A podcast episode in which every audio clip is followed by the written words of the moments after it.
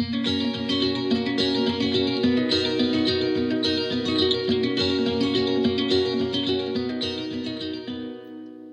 til Danske Bankers, podkasten for deg som vil vite hva som rører seg i markedet fra uke til uke.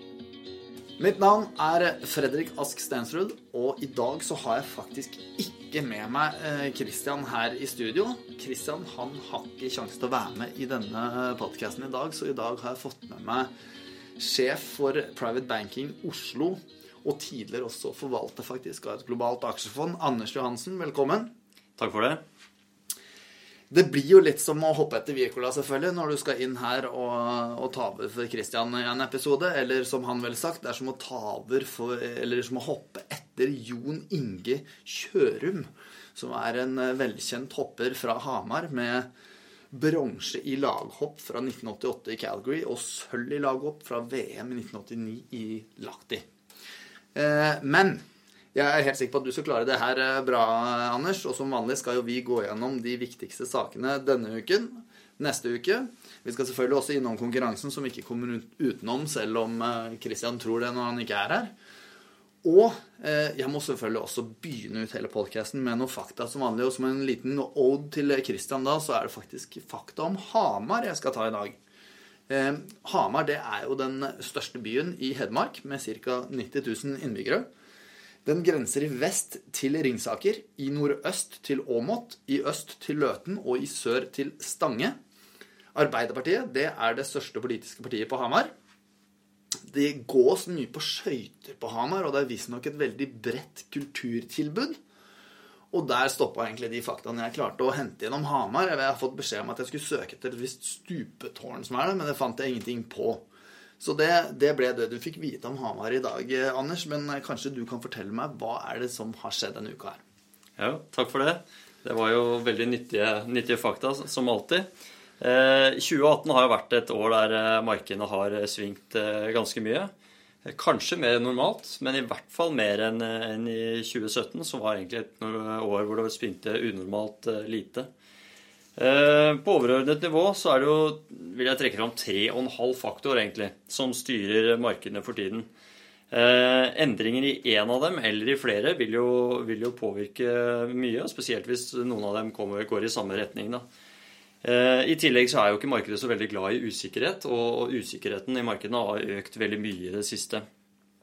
Det første faktoren er jo veksten i verdensøkonomien. Eh, og mens det i 2017 var en synkron god vekst både i Europa, USA og Kina, så har det jo i 2018 egentlig bare vært USA det har, eh, har vært god vekst. Og de andre markedene har egentlig bremset litt. Så der tenkte jeg det må vi se på. Men når du sier det, de fundamentale forholdene i global økonomi, er ikke de ganske gode?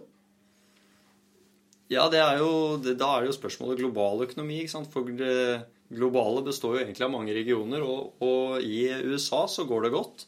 Kommer litt inn på det, men det er jo både er det jo en, en ganske god sykkel, eh, hvor de har i tillegg Trump har, har, stimulert med skattekutt. Mens i Europa så er jo egentlig bildet litt annet. Der går det egentlig saktere og saktere. Og i Kina så gikk det jo veldig bra i fjor, og inn mot spesielt denne kongressen.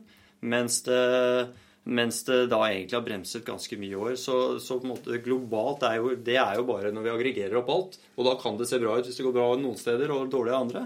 Men, men hvis vi ser på hver og en, så, så er det ganske spredt i år da, i forhold til i fjor. Ja.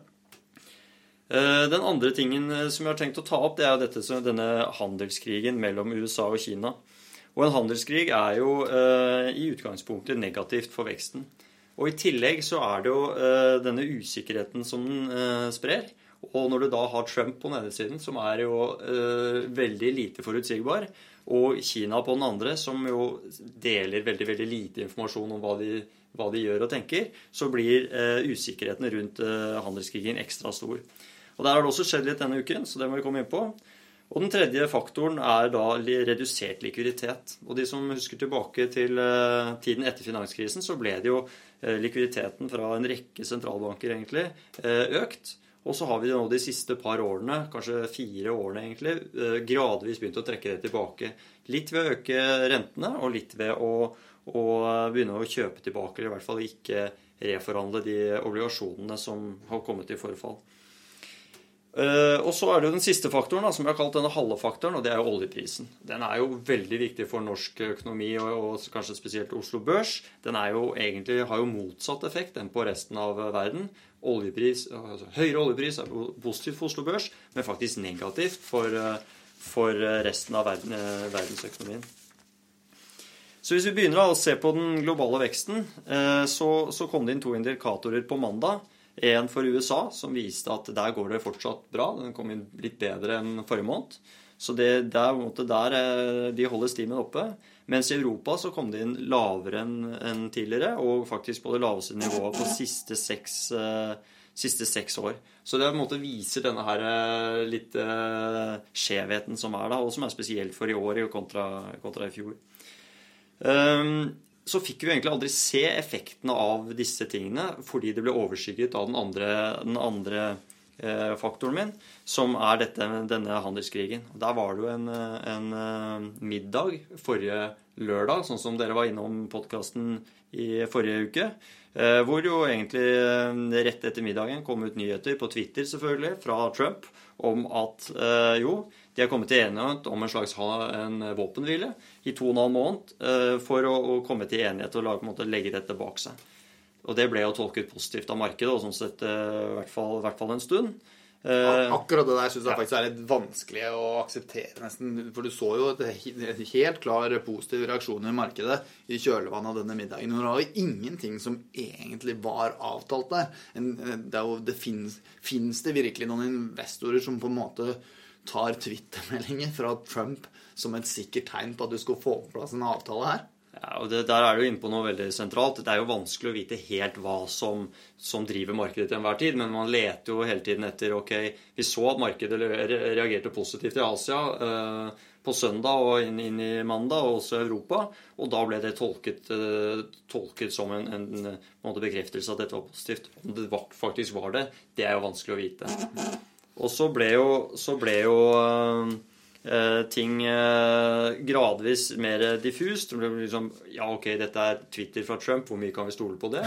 Heldigvis så kom det da bekreftelser egentlig fra Kina allerede på, på onsdag, hvor de sa at ja, dette er sant. Vi, vi, har faktisk inngått en avtale om at vi skal prøve å, å, å, å komme til enighet. Eh, men så skjedde jo noe annet da, samtidig på onsdag som jo overskygget alt egentlig, og virkelig, eh, virkelig eh, egentlig i motsatt retning. Som var at datteren til, eller finansdirektøren til den nest største mobilprodusenten i verden, er større, faktisk nå større enn Apple, og hun ble arrestert i Canada og utlevert, bedt utlevert til amerikanske myndigheter. Og Da ble det jo spekulert i om dette er et eh, triks igjen da, fra Trump for å på en måte ha et nytt forhandlingskort inn i denne, denne handelskrigen. Dette var i Huawei, da, ikke sant? Dette var i Huawei, ja. ikke sant? Så det var i Huawei. Og, og um, markedet reagerte jo da på onsdag med veldig store bevegelser. Altså det var mye ned. Eh, dårligste dagen på Oslo Børs tror jeg på siden februar 2016 eller noe sånt. Eh, og det var også en dag hvor markedene i, i USA var stengt pga. Eh, begravelsen til eh, tidligere president Bush. Da. Så det var en, eh, en spesiell dag.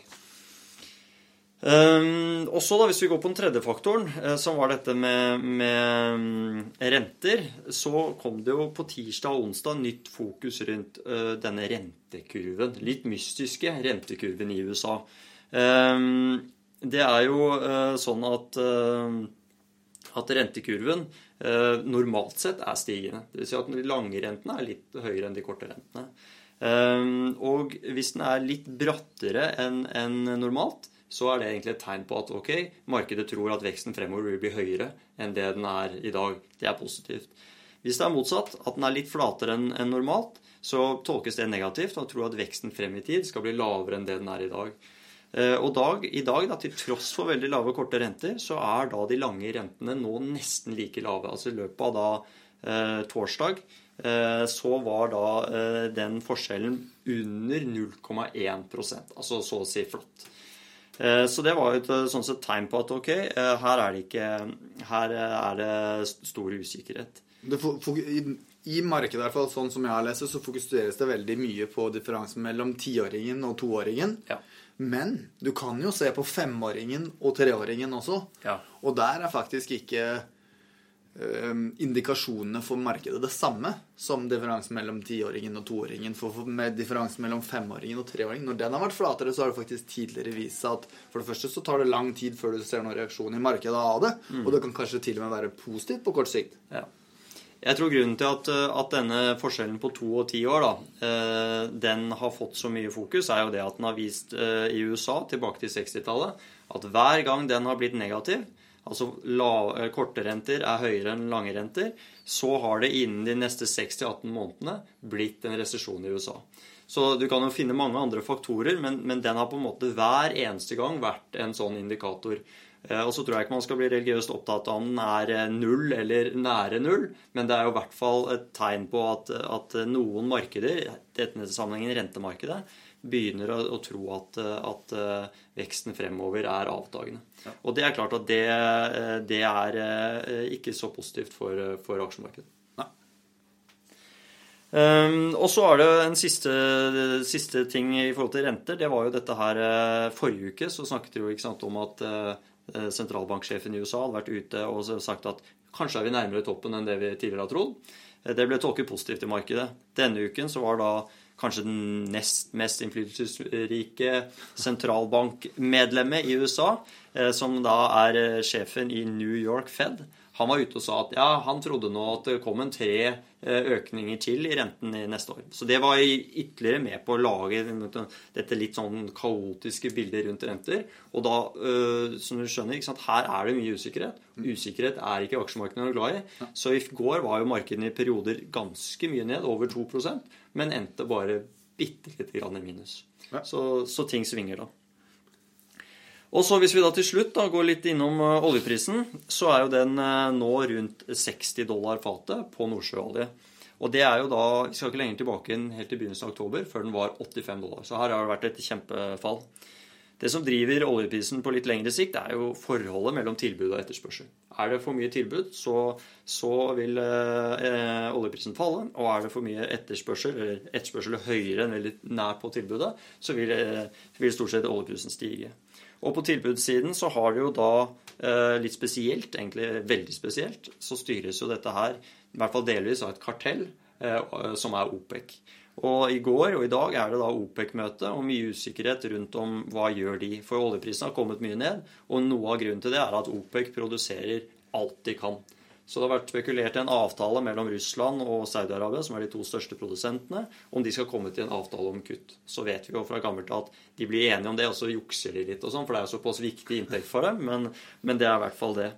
Eh, og så er det en litt sånn morsom fun fact, i hvert fall for de som er glad i den type ting. Det er jo at eh, USA faktisk i forrige uke, for første gang på 75 år, var nettoeksportør av oljeprodukter.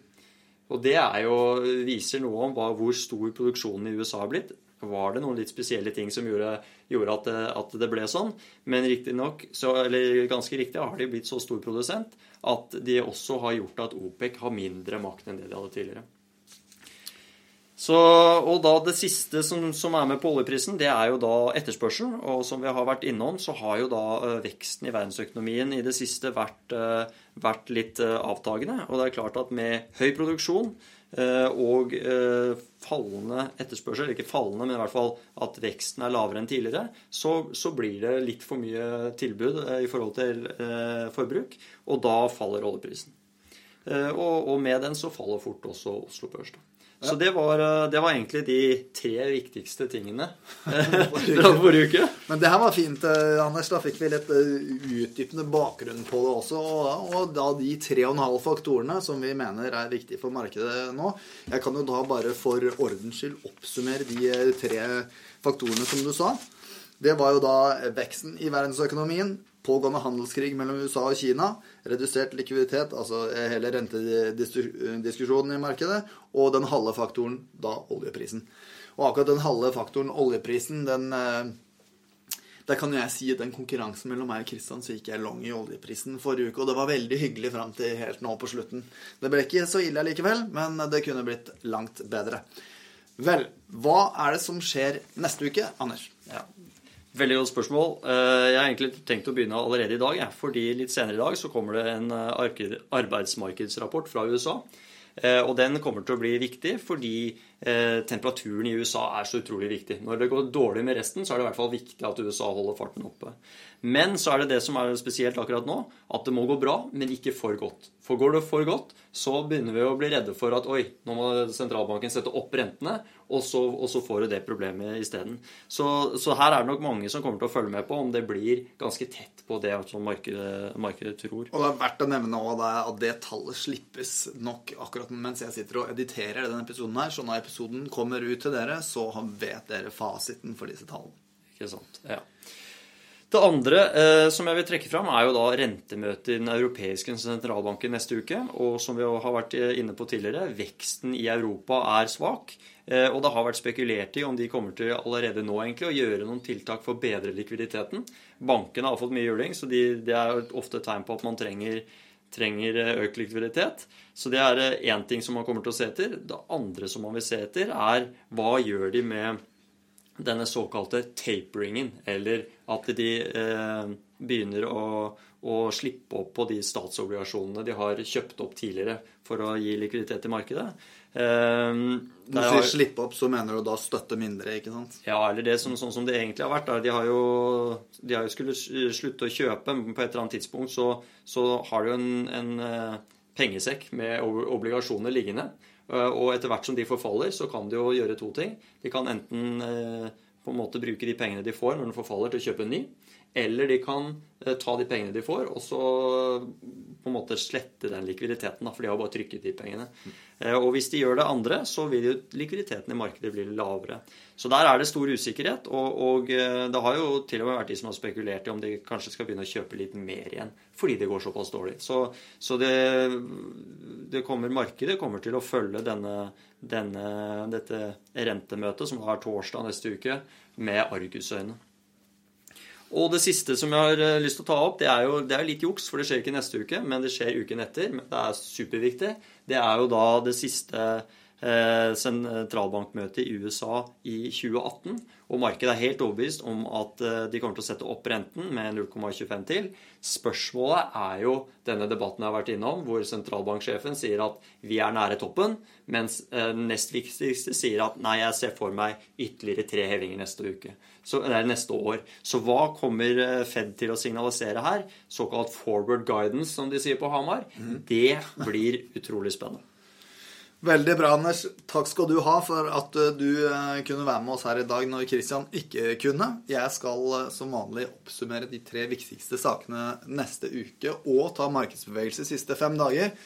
Men før det så må jeg jo ta en oppsummering på Aksjeolympiaden 2018 for meg og Christian. Det er vel antageligvis derfor han ikke er her i dag, tenker jeg. For han ikke ønsker å høre resultatene fra den konkurransen. Dette er selvfølgelig en konkurranse vi kommer til å ta opp igjen også i, fra januar 2019. Og det er også da verdt å nevne at dette er faktisk siste Danske Bankers-episode i 2018. Så da vil jeg gjerne benytte anledningen til å takke dere som har fulgt oss eh, gjennom året også, og eh, minne dere på at vi selvfølgelig produserer nye episoder igjen fra første uke etter nyttår. Men til Aksjeolympiaden 2018, det, det, har vi jo da kjørt i ni uker. Et, eh, lekekonkurranse mellom meg og Christian der vi har tatt noen ukentlige posisjoner i enkelte indekser eh, i markedet. Og forrige uke så gikk eh, Christian long en bred brikkindeks, mens jeg gikk long i oljeprisen. Det så lenge veldig bra ut for min posisjon. Nå fikk jeg en liten knekk på den på slutten av uka, så jeg endte uka med en positiv avkastning på 2,4% på min eh, long-posisjon der. Mens Christian tapte 0,75% på sin brikkposisjon. Det skal sies at brikkposisjonen til Christian så bedre ut en stund, den også. Men status er i hvert fall da, og det er det som blir stående for Aksjeolympiaden 2018, det er at på ni uker så har mine veddemål generert en positiv avkastning på 10,3% mens Christian sine gjetninger har generert en negativ avkastning på 21,03% Så da er det bare å ønske Christian lykke til neste år. Eh, da skal jeg bare ta markedsbevegelse de siste fem dager. og Da har vi OECBX ned 3% SMP 500 ned 1,7% Eurostock 600 ned 3 eh, og Emerging Markets ned 1,9 og oljeprisen var flatt totalt sett. Eh, de viktigste tingene for neste uke, det er selvfølgelig det tallet som kommer nå eh, i dag klokken halv tre, arbeidsmarkedsrapporten fra USA. Eh, så får vi på onsdag neste uke så får vi inflasjonstall fra USA. Og på torsdag i neste uke klokken kvart på to så er det rentemøte i ECB. Og da gjenstår det bare for meg å ønske alle en riktig god jul, og også et godt nyttår. Så høres vi igjen i januar.